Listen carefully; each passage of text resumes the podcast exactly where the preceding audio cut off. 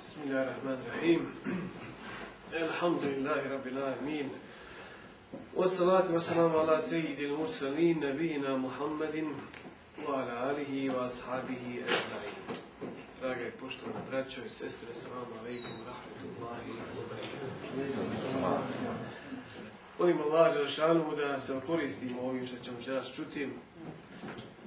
A čućemo ovako možda jedan segment ili jedan dio o, iz ekonomije, iz područja ekonomije kao uvjeta opstanka a, nas, bošnjaka, na ovim krajima. Dakle, neću vam ja govoriti općenite o ekonomiji, niti je zalasti u neke cifre, brojke i statistike, to ćemo ostaviti ekonomistima, a mi ćemo govoriti ovdje a, nešto o ekonomiji sa aspekta porodice, sa aspekta dakle, porodičnog budžeta, planiranja budžeta, na koji način ćemo isplanirati i potrošiti one pare koje imamo. Dakle, govorit ćemo o parama.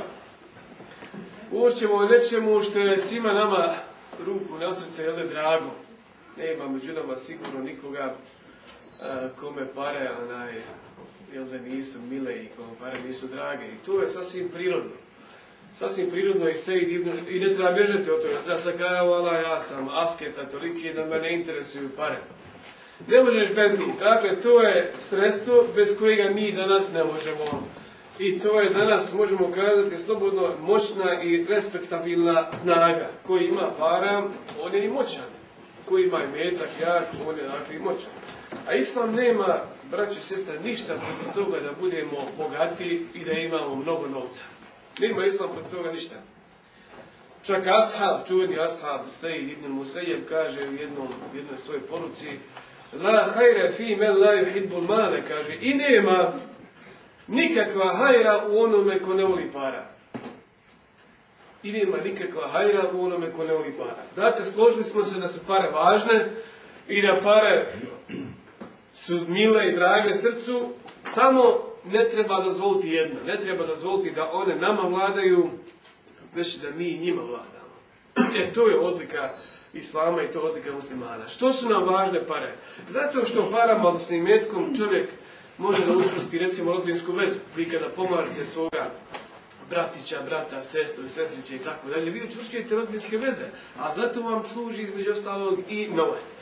Također parama, ako nemate para, neće imati ni zajednica od vas koristi. Ne možete da zekijat, ne možete sadaku, ne možete pomagati druge, ne možete sutra jačati islamsku vojsku, dakle, treba imam pare. Od fukare je ništa. Čaba ti onaj eh, vrijedan sti, ako voda kod Allah nema govora, svi smo mi vrijedni i potakvalo se ko se mjerimo, ali gledamo i, i, i drugu stranu, ko može doprinijeti islamsku zajednicu, bogat ili siromat? Zato je poslanik jednom mi rekao, sallallahu alaihi wa sallam, hadisu, el mu'minu kaviju hajrun, u ahabu ila Allahi min el mu'mini gajib.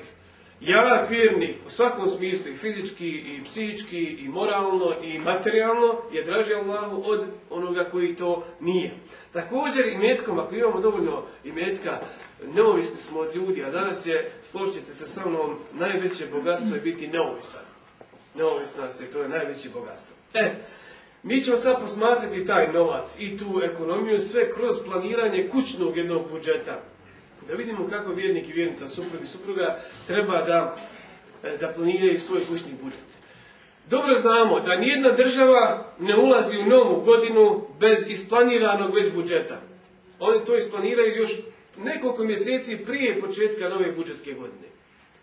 Nijedna institucija ne ulazi u, planira, u novu godinu bez isplaniranog budžeta. A ima li veće institucije i važnije za nas od braka, od porodice? Nema. Najvažnija institucija jeste brak. Dakle, najpreće je da i brak i braći drugovi također imaju isplaniran svoj budžet, jer priznat ćemo sebi, zna zbog para biti, i to vrlo često, jedan od uzrovka razloga brakova i problema u braku jeste i novac, nažalost.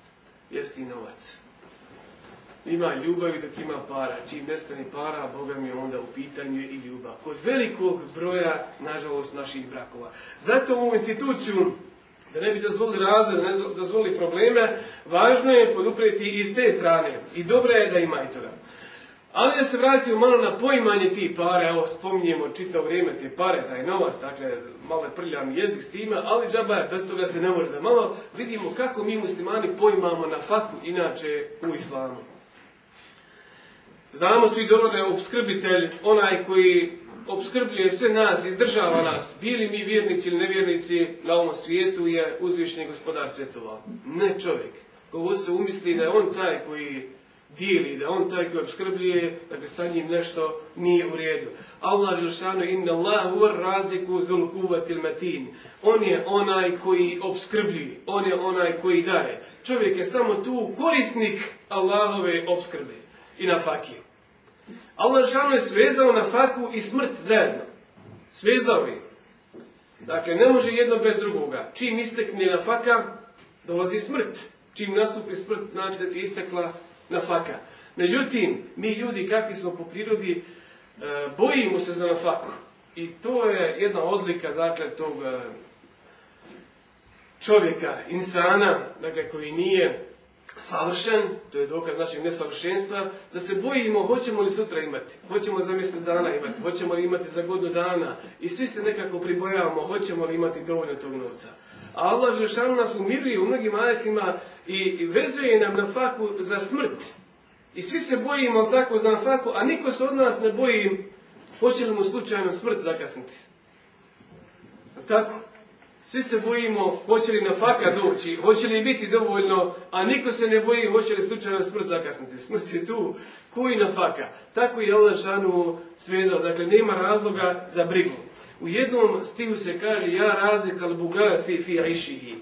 Kaže se u ovom stihu koji je ovako na izgled, rekli bi šta ima u njemu, kaže se, o ti koji obskrbljuješ mladunče, vram je dok je u gnijestu. O ti, pjesnik se obraća Allahu koji obskrbljuješ mladunče, vrani dok je ognjezdan. Sad oni koji ne pojmuju, ne razumiju dobro pitanje na fake u islamu, čude se zbog čega je pjesnik ovaj stih izrekao. Samo je dio ovog stiha. A kada bi malo analizirali, pa zašli malo i u biologiju samu, i vidjeli kako izgleda to mladunče vrane, bit će nam jasno. Mladunče vrane, braći i sestre, dok je malo, dok, e, kad se tek izleže iz jajete, bijele boje. Dakle, ono perje mu je bijele boje. Za razliku od koga od njegovih roditelja, koji čije perje crne boje. Roditelji kada vide mladunče šta su rodili, šta se izgledlo, pobjegnu od tog mladunče i ostave ga.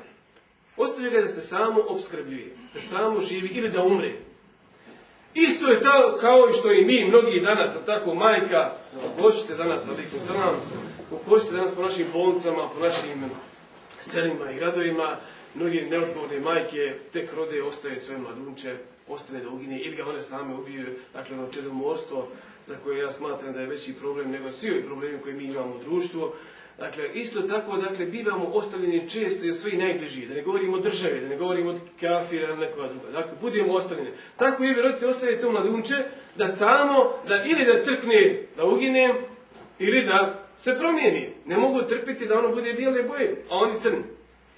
I ko obskrblje ovo mladunče, ovo mladunče, o, tako samo ostavljeno obsljubljuje ga uzvišnji Allah šalom tako što mu putem vjetra šalje crve, tako što mu putem vjetra šalje insekte, šalje mu travu, šalje mu hranu. Nakon izvjesno vremena mladunče vreme dobiva crno perje kao i njegovi roditelji. Potpuno isto i onda se oni vraćaju i naravno postaje im drago to njihovo mladunče koje su nekada ostavili. E ovako je pitanje na fakiju islamu. Dakle, i kada budete ostavljeni od svi, ima onaj koji je obskrbljiv. Samo gdje mi griješimo? Mi griješimo u tome Prvo što mislimo da da je čovjek taj koji obskrbljuje ljude. Drugo što misli uh, i kada što mislimo i smatramo da kada budemo ostavljeni da ćemo sigurno crknuti i da ćemo umrijeti. Dajte mi navedite deset primjera gdje su ljudi umrli od gladi. Da su ljudi, a da to nisu prouzrokovali svojom dakle svojom rukom. Malo ćete naći primjera da su umrli od gladi. Allah šanu neće ostaviti. Čak ni kafira. Uma min dabetin fil ardi ola fis semai illa ala Allah rizkuha. I nikoga ni na, nema, ne, nema nikoga ni na nebu ni na zemlji, a da Allah Žešanu ga ne obskrbi jednu pticu na nebu i jedno, jednoga insekta i životincu moru, Allah Žešanu svakog od njih obskrbi. Hvala Bogu da je Allah Žešanu pitanje na fakije i pitanje smrti uze u svoje ruke. I poslanik Ali Sram kaže, nijedan čovjek neće umrijeti dok mu ne prestane teći na faka. Nijedan, sigurno neće prije umrijeti. Bojte se Allah i tražite od njega obskrbu. Zato mi, jel kada dva čovjeka se voze i dožive slavraćan nesreći, pa jedan od njih pogine, drugi ostane živ, šta kažemo za onoga koji ostao živ? Nije mu još istekla na faka. I vidite kako i mi ljudi to uvežemo. Znamo da je to tako. Zbog čega se onda bojimo za nešto što nam je najzagarantovanije u našem životu? Na fakat. Najzagarantovanija. I tu nas Allah šanuhu najviše, najviše kuša. Prilikom pravljenja budžeta, kućno, dakle, bračni par, muž i žena morali bi imati ove stvari na umu. Morali bi imati kada određuju šta će ove godine raditi, u što će utrošiti novac i u što, zašto im sve treba novac, morali bi imati na umu da je Allah Žešanu taj koji obskrbljuje. Njihovo je samo da isplaniraju, a Allah Žešanu će poslati. I ovi poslanici ne uzbila u parlamentu i oni isplaniraju. Jel tako? Hoće li biti dovoljno od onih koji daju para, to su to obični narod, opet i biznismeni, to je druga stvar. Dakle, svako dijete, svako dijete se kao i ono mladunče rađa s na fakum. Nije uginulo mladunče, neće ni jedno dijete. A većina majki, većina majki, uglavnom majke, mada i babe u posljednje vrijeme, e, kada planiraju ono, planiraju porod svoj, natalitet, boje se, zašto se ne odlučuju za veći broj djece, zato što se boje, hoće li imati to djete na faku. Zato što se boje, hoće li oni sa svojih 600, 700 hiljada maraka moći iz, dakle, izdeverati tih četvrli djece i petvrli djece koji nekada bio prosjek u našim porodcima. A Allah žele nas upozorava i kaže Ola taktulu vam nadekom hašjete im fat, u drugom ajati hašjete im lak. Nahni nar zukum var jakum. Kaže nemojte ubijati djecu svoju iz straha od neimaštine. Mi i njih i vas obskrbljujemo. Što se umišljaš ti Allah gube, nis ti taj koji obskrbljuješ Allah šanu, kaže mi i njih i vas obskrbljujemo. I pogledajte, djecu je čak stavio na prvo mjesto. Mi i njih djecu i vas obskrbljujemo. Što znači da će djete to koje si zanijela, koje se začelo u tvojoj utrobi, ima na faku prije tebe. Ima na faku prije tebe. I znaš dobro kako se odvija tam. Ti ništa ne činiš, ono tamo hrani se fino, samo što izađe, opet ima na faku, ali što nam odredio ili kod tebe, ili kod nekoga drugog, uglavnom Allah što ono, a najviše se bojimo od Bog te, i to je najveći razlog, pri, pri, priznaćete, pobačaja danas, eh, abortusa, dakle, čedom odstava, općenito, na hiljade i hiljade se ubija u našoj državi, možemo kazati, u jednom mjesecu, na hiljade i hiljade djece se ubije. Dakle, ubica među njima, koliko hoćete, koliko hoćete, mi pričamo malo, malo ljetničkoj delikvenciji, Malo ljetnička delikvencija jeste problem. Govorio sam ja nekom na temu, evo i vi ste ovdje. Jeste to problem zato što je sad trenutno potrebno nekome da to bude problem. Ali je li stvarni to problem u državi, ovo je ovako kako je, to je sad drugo pitanje. Destar djeci ubilo možda destar djeci u toku godine dana, toku pet godina, jeste to problem, nema govora. Ali mnogo veći je problem ovaj čedomorstvo, ubijanje djece svaki dan po bolnicama. Kod privatnika, dakle, privatno, tajno ili javno po našim bolnicama. Dakle, ako je Allah Žešanu dao na faku, svima nama, odredio da imamo dovoljno dok smo živi, odakle onda ljudima siromaštvo? Odakle onda siromašni među nama? Šta mislite, je li Allah Žešanu nam propisao siromaštvo? Je li Allah Žešanu dao nekom, prisilio nekoga da bude siromašan? Naravno čovjek onda ima ali razloga da se ljuti na Allah Žešanu ne uzbila zato što je siromaš. Zašto i njemu nije dao kao što je dao jednom drugom? Allah Žešanu nikome nije propisao siromaštvo. Allah Žešanu je kako god je stvorio na faku, stvorio uh, smrt, tako isto je propisao i puteve do na fake, odnosno puteve do smrti. Puteve do nevjerstva. Pa je odredio da ako hoćeš dobro na faku, rekao ti je, klanjaj, klanjaj Allah Žešanu, obavljaj sivjerske dužnosti, moli Allah Žešanu za beričet, radi pošteno, čuvaj se da ne bude harama u tvojoj poruci i imat ćeš ako bude na faku. Isto tako odredio putile koji vodi u siromaštvo. Pa je rekao da jedan putile je ovaj kufr, jedan drugi put je blud, zinaluk. I sve imate hadise kao potvrdu da tome sam. Imate alkohol, imate drogu, imate ubistva i tako da Sve su to putevi koji vode ovamo u siromaštvo, ovi ovam putevi vode u bogatstvo. Na tebi je sada da izabereš. Na tebi je da izabereš koji ćeš put. Zato u jednom hadisu poslanik Lesana kaže kada fakulen je kune kufrao. Jer li siromaštvo je veoma, veoma blizu kufru, veoma blizu nevjerstva. Zašto? Zato što isti put je potpuno vodi u siromaštvo kao i oni koji vode u nevjerstvo. Zato su veoma blizu, na kraju se spajaju. A to pazi, hoćeš li kamatu jesti ili nećeš kamata na, u početku ti je slatka, dobio si ti 15.000 maraka, 50.000 uze od neke banke, Međutim, valja vrati 43.000, ako je kamata prilike 8%. Zavis je na koliko godina. Dakle, hem si osiromašio si ti bolan za 43.000.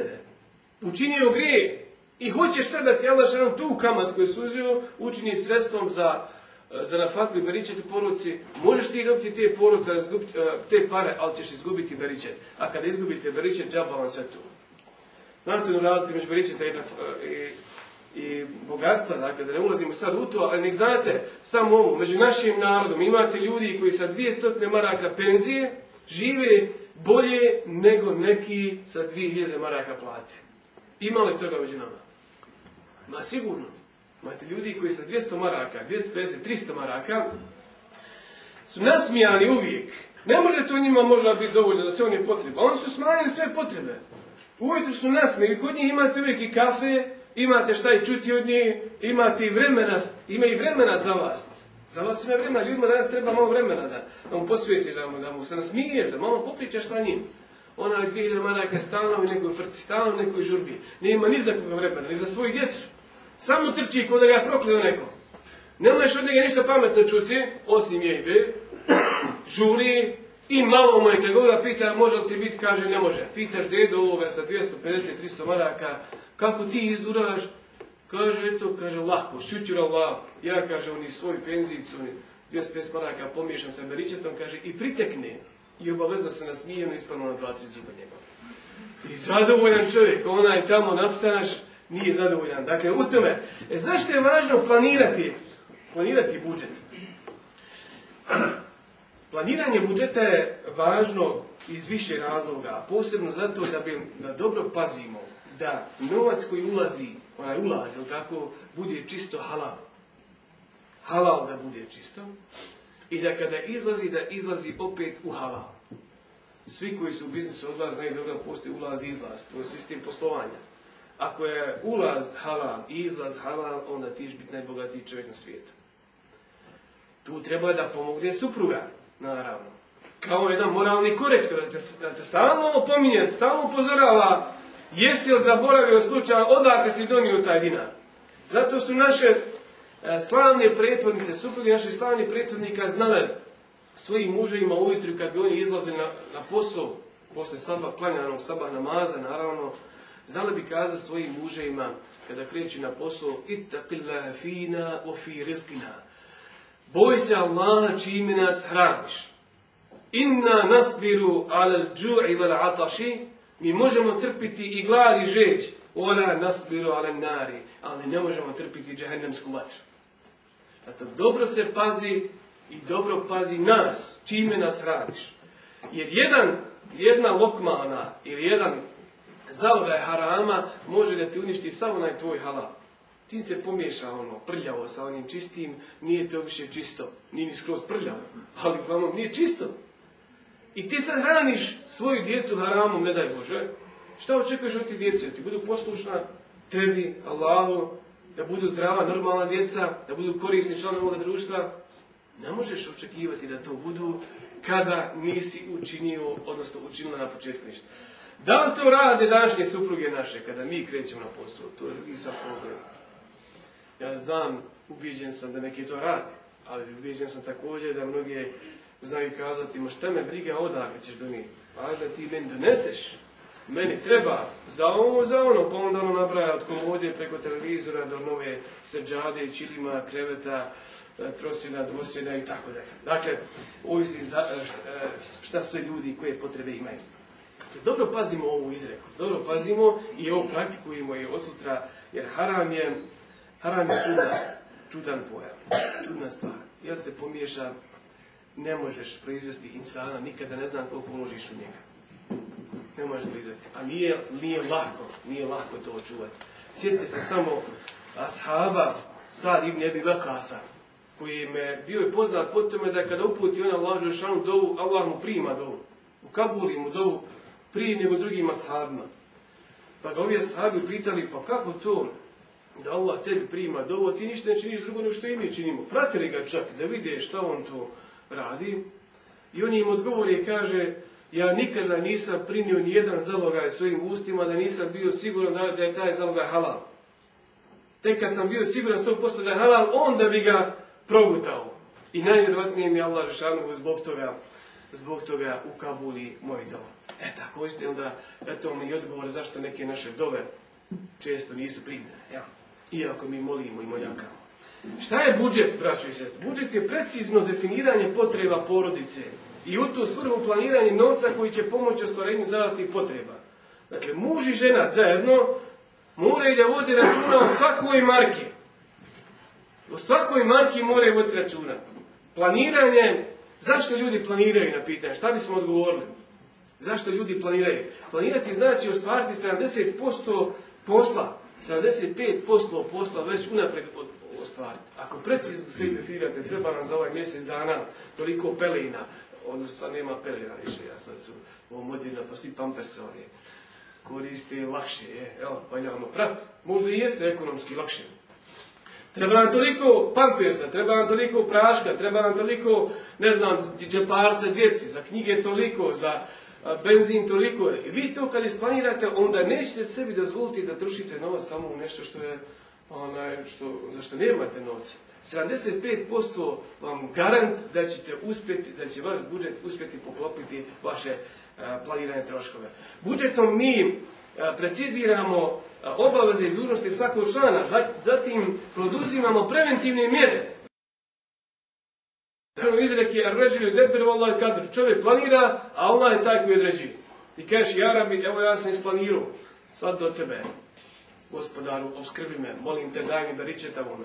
A zašto imate ljudi koji ne planiraju, kažu, ma daj, biživa, to je gubljenje vremena. Imate takav broj ljudi.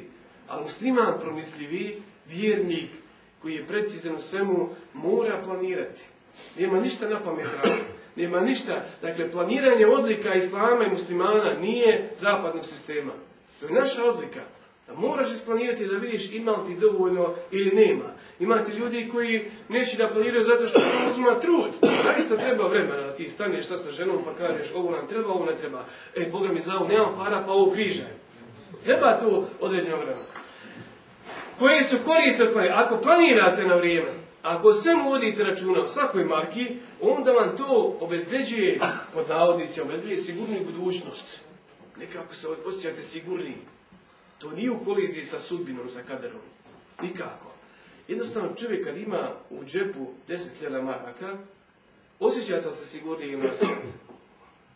Pa ne znajte, sami se osjećamo se sigurnije. Za razliku kad nemamo u džepu ništa. Kad su prazni. Dakle, čovjek se osjeća, a to planiranje ti donose također. Zatim umanjuje ti nepredviđene financijske potrebe i probleme. Sigurniji si nekako u životu. Nećeš nikakve neizvjesnosti financijskoj. Hoćeš li imati ili neš imati kad isplaniraš u skladu sa svojim organom, u skladu sa svojim uh, dušekom. Ali saradnja braća i drugova, ona je garant uspjeha. Garant uspjeha financijskog sistema braka.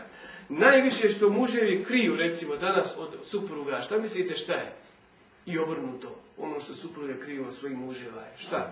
Crni Novac. Novac. Novac čak prema nekim statistikama nije ni brašna nevjera. Više kriju novac, pare, prvo muž, supruge, za nešto u nešto potroši, neće da kaže, pa je masla laže, a onda i ona vidla od njega, pa i ona počne to kriti, jer je zašto je tamo ustrebalo, i šta onda to rađa? Rađa sumnju. I muž će primijetiti da je s kamare nestalo nekoliko maraka i ona će primijeti da, da novac donio je hiljadu maraka, a ne može biti, a ona zna da se isplanirao da može biti. Primijeći jedno drugo, onda to rađa se umnju, sumnja vodi u što? U bračnim problemima, bračnim problemima na kraju krajeva vode u, u razum braka. Pitanje je zašto skrivati novac od onoga koga volimo? Zašto skrivati novac od muža kojeg sam izabrala da mi bude muž koga volim? Zašto skrivati novac od supruge koji sam izabran bude supruga koji volim? Zbog čega skrivati ako se mi slažemo i ako se volimo? Dakle, to je e, pitanje na koje ostavljam, dakle, svaka plama. Oba dvoje zajedno ako učestvuju u planiranju, e, to je kao premijer i ministri. Tako, premijer ne može bez svojih ministara donijeti sam odluku, može kod nas, može u Bosni. Ali, ali inače ne može. Moraju izglasati svi zajedno budžeti. Tako isto moraju izglasati i muž svoga. Čak i djeca. Na pitanje treba li djeca da učestvuju u planiranju budžeta, treba. Jer će otac kao odgovoran, babo i majka kao odgovorna majka upite svoje, svoju čirku koja je šest na sedmu razlog, a imaš li ti kćeri koje je potrebe ovog mjeseca? I svi će svi zajedno za isti hastal, za isti sto. I svi će zajedno isplanirati. Jer pitanje budžeta nije samo pitanje bade, vidjet ćete kasnije. Kako kontrolirati kućni budžet? Nužno moramo postaviti sve e, stavke našeg budžeta u što nam treba. To je nekada dosadno. Zaista je nekada to dosadno bilježiti sve. Danas sam potrošio za autobusku kartu od kakvim do Sarajeva. Ostaviš sedam marak, ne znam koliko. Pa sam napunio benzin, pa sam kupila toliko, pa sam A imate i olakšana danas, samo posle kako uzmate, imate račun. Samo račun prilijepite, ne morate ništa. Sačuvajte taj račun i tako stalno bilješte. Imajte rokovnik za to. Zašto vam to treba? Na kraju mjeseca znači, značite u što, će, u što ste potrošili svaki, svaku marku. A zbog čega je to važno? Znate zbog čega? Zato što poslanik Ali Isratu sam nam kaže La te zulu kadema abdin jeo malkajamati hatta yusela narba. Nijedan od vas, niko se neće pomaknuti na sudnjem danu dok ne odgovori na četiri pitanja.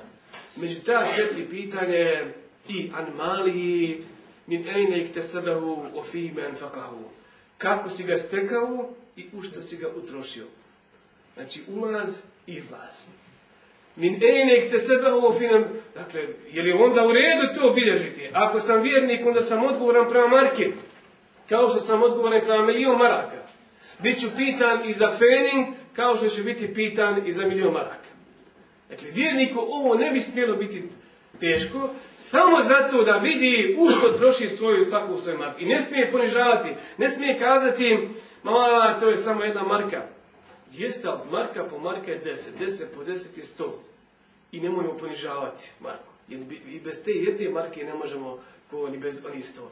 Zar, zar sve firme ne rade ovo? Zar finansijski sistem svih firmi, država na kraju kreva, velikih korporacija ne počiva na, na bilježenju svake marke, zašto postoje onda knjigovodstvo i knjigovođe? Ne zbog toga da bi sve to evidentirali. A mi imamo i slijeve iz desne strane knjigovođe koji to redovno radi. Pa hajmo raditi mi prije njih, kiramen, kjati, bim, bilježen. Hajmo i mi, pa nek nam se na kraju fiskalne godine, na kraju godine, nek nam se slaži naš račun ali postupimo prema Omerovom hasibu, kablantu hasibu, svodite sa svom račun svaki dan prije nego bude s vama sveden račun. Dakle, pitaj se, ne možete biti svejedna ako si dao Marku i po cigarete. Ne smijete biti svejedna. Možda si ti spreman to podniti, možda si spreman to opravdati pred gospodara svjetova. Da, ovo, ovo, ja, rabijete, nisam mogu nešto, znaš. Nervojno, ba. Ja te opravdati, ili one alkoholčare, ne, Hajde, i to je nekako možda lakše opravdati. Lakše opravdati ako ti je cigareta bila uzrok upale pluća, odnosno uzrok smrti. Kao ćeš to opravdati? Ubio sam sebe, ti si na, na stepenu samobice. Ili ona alkoholčar također. Ili neka druga bolest, ima helem, ne se sekad nabravali, bilo bi to ako hoćete. Spriječit ćemo naravno i ovim rasipništvo i tako dalje. Prema statistikama nekim, kojima sam se i ja bavio i čitao nešto o tome, Znate u što obično ljudi troši novac? Evo krenimo po svijetu. Američka porodca najviše troši u telefon, internet, komunikaciju. Glavno. Troši oni, jer je sandviče, zato napuvano je toga. Ona je. A Arabska, recimo, najviše troši novca na zabavu i na hranu. Italijanska troši na hranu. Japanska na, šta mislite šta? Edukaciju. Na obrazovanje. Zamislite na što naša bosanska troši najviše novca. Na kavu, na kavu i cigarete. Tačno, na kavu i cigarete. Naravno, ja volim kavu, stvarno volim. Nemojte mi na kavu, samo možete udjeti na sve, ali kavu. Kava je nešto što je ok, u redi naše, dakle, bosansko piće. Iako je to jedini porok, onda nije porok. Topli napitak, tako ćemo kazati. Ali interesantno je koliko bosanci, općenito, a posle bošnjaci, troši novca. Evo, pustimo kahu. Dakle, ta kahva je izgovor za sjelo, kahva je izgovor za sastana, kahva je... Kahva nam je sve! Dakle, vijernici smo na kraj greva. Ali cigarete, tu ne možemo hvaliti. Prosječno, jedan bošnjak koji dnevno puši kutiju cigareta, znate koliko godišnje potroši. Ako kutiju, pod uvjetom da ona jeftinija, marka i po, jel? 550 maraka godišnje potroši. 550 maraka, on će kazati, ono, kad ljudi uputi cigarama, dobro, nije to ništa, znaš, koliko mi bolja cigareta, nije to ništa. Marka, marka, marka, i po 550 maraka. U isto vrijeme, na tražnje svoga sine ili čerke da mu kupi nešto što mu je potrebno za školu, nije imao. Nije imao. Zamislite da je tu Marko i po, evo, sad idemo računcom nekom, tamo negdje čulo, pa na kraj godine uzeo možda sebi pantalone, odijelo, djetetu, tako je pantalone, curici, ženi nešto, pediju neku kupio, pa obradilo se mi i kazalo, ovo je onaj novac od cigareta. Drag će biti svima, a wow, dragom prije svega, a onda i svojoj familiji i samom sebe. Dolazimo u sljedećoj temi, dugovi i krediti.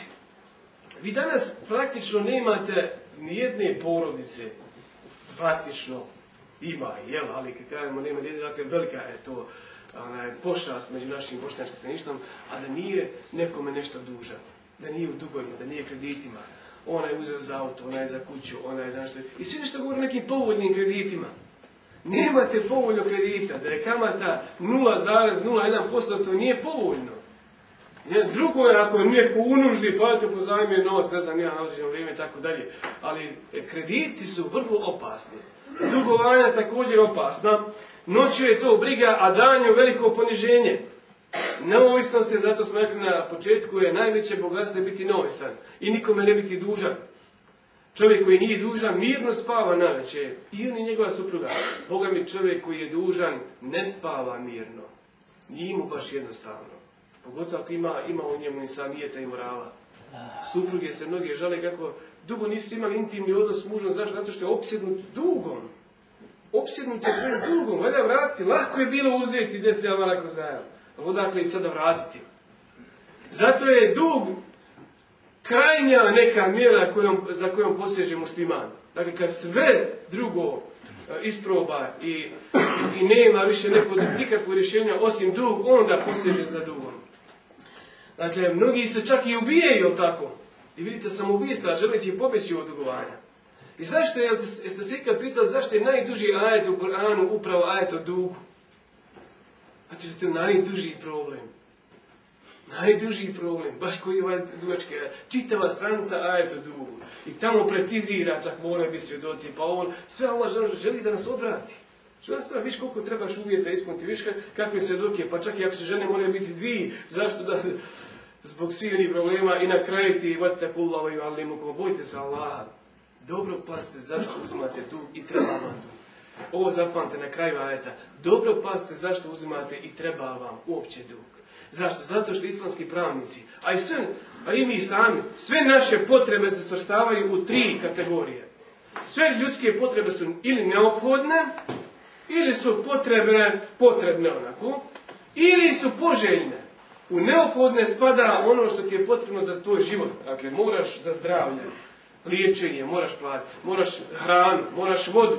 Dakle, to je nešto što je neophodno. Zapam to dobro. One potrebne stvari su bez koje život je težak, ali funkcioniše život. Kao što je, recimo, kuća. Kao što je danas auto. To su potrebne stvari, ali može li život i bez njih? Može. Možeš biti živ bez toga. I imate poželjne stvari, to je, recimo, da imate uh, najnoviji mobitel, najnoviji auto, ne znam, da imate kuću na tri sprata, a vas troje svega u kući, pa svako od vas očekaj na jednu spratu. Dakle, da imaš ti vidla, vidla od komšinci ili komšije ili komšije tamo, dakle, plazma kod njega, a u tebe televizor na 51 inč. Dakle, hoćeš i ti plazmu, ti vidiš tamo ono, kad se ona pokaže, kad se on pokaže, da vidiš u pravom liku. I to su poželjne stvari. E sada, prema islamskim pravnicima, dug se uzima samo radi neophodnih stvari.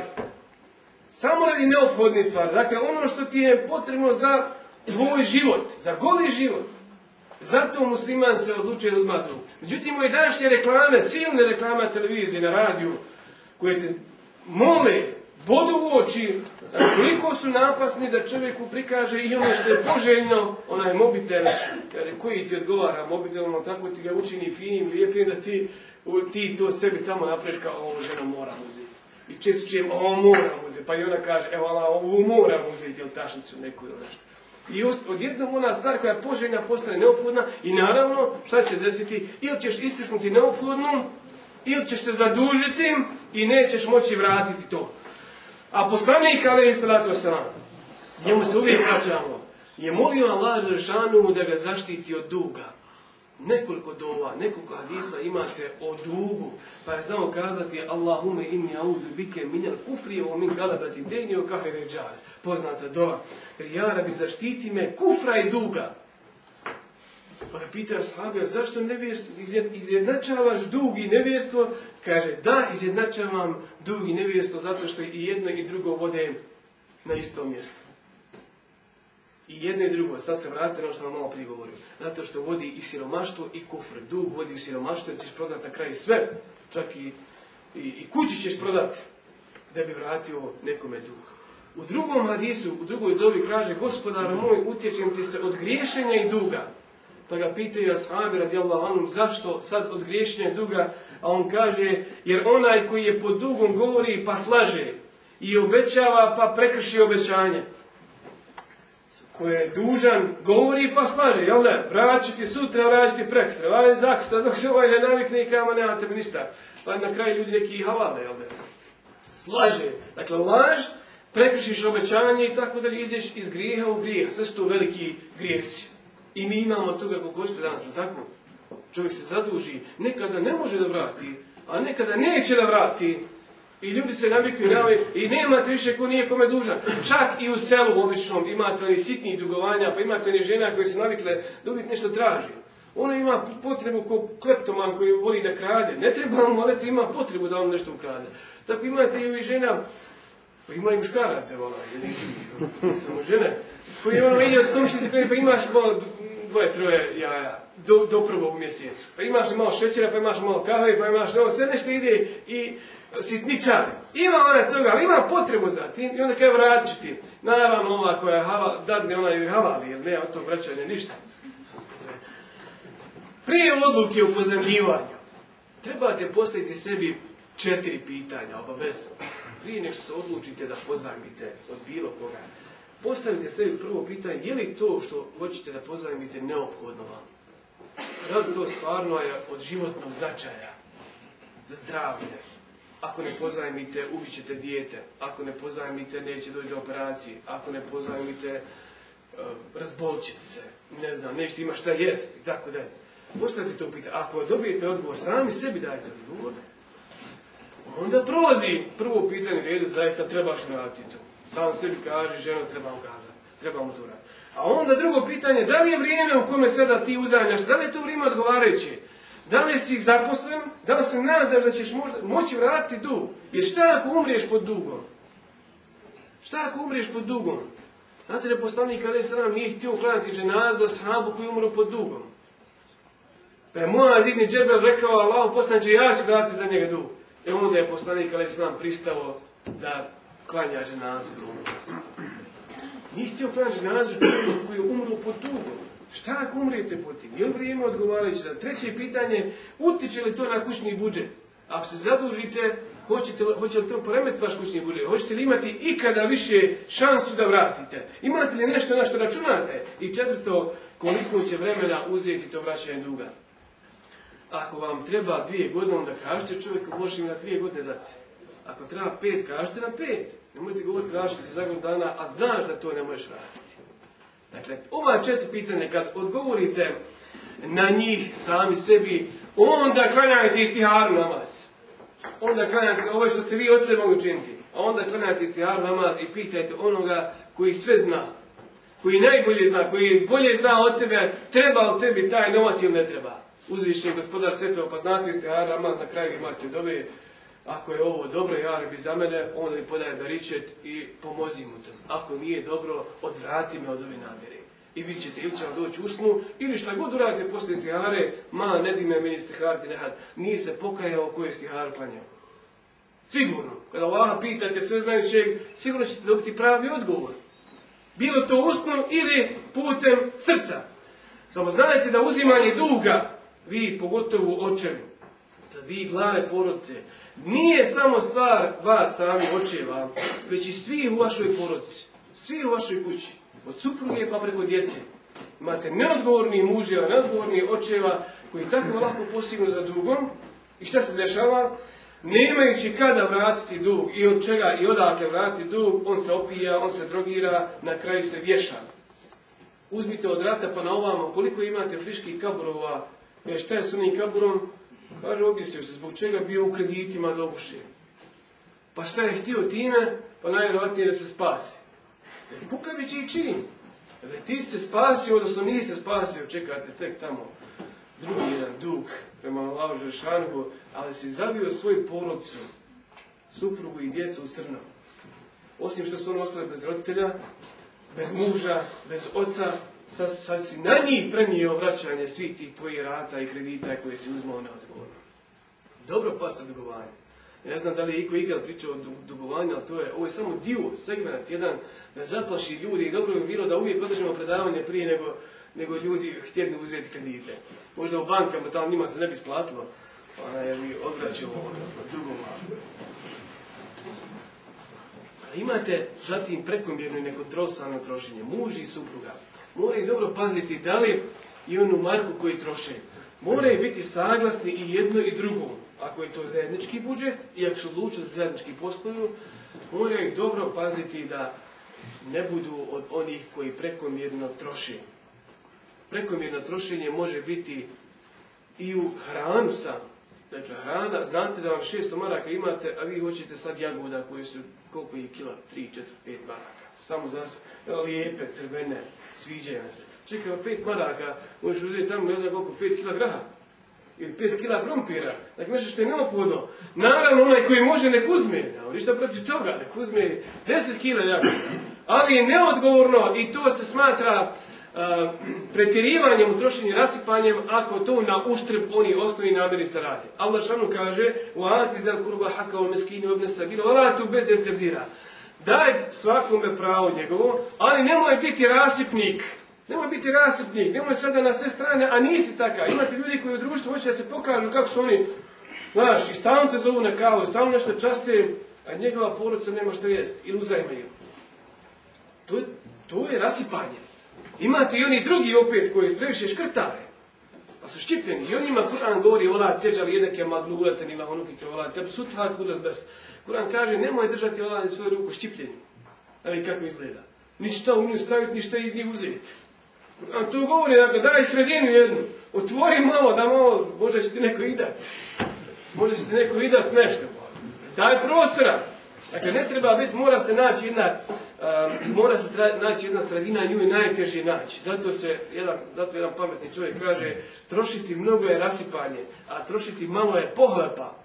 Čim ti malo trošiš, ne volja ni to sad, da ti nikad ne zoveš na kavu svog rana. I budeš potom poznat.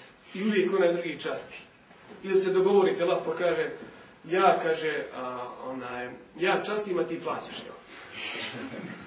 ima je tako umjerenost je najbolja i nemojmo sebe dozvoliti da budemo od onih da se kajemo na kraju dakle ako muž kupi svoje suprugi ogrlicu ne smije pokazati nikada da se kaje zato što je kupio ogrlicu i da pokaže pred njom a eto ona ga pita je li a, gdje su pare, e, u stvari treba i nešto drugo, jel, za porodcu, e, kaže da nije bilo one ogrlice što sam ti ja kupio, da spominje godinu dana, sjećaš ti ko sad ova ja, da sam žena skinio ono ogrlice, evo ti to, ono i ti konce. E, I da završimo na kraju sa jednim stivom, koji može biti pouka svima nama, kaže se u tom stivu, kad smo imali para i metka, nismo imali pameti, pa smo ga nemilice trošili.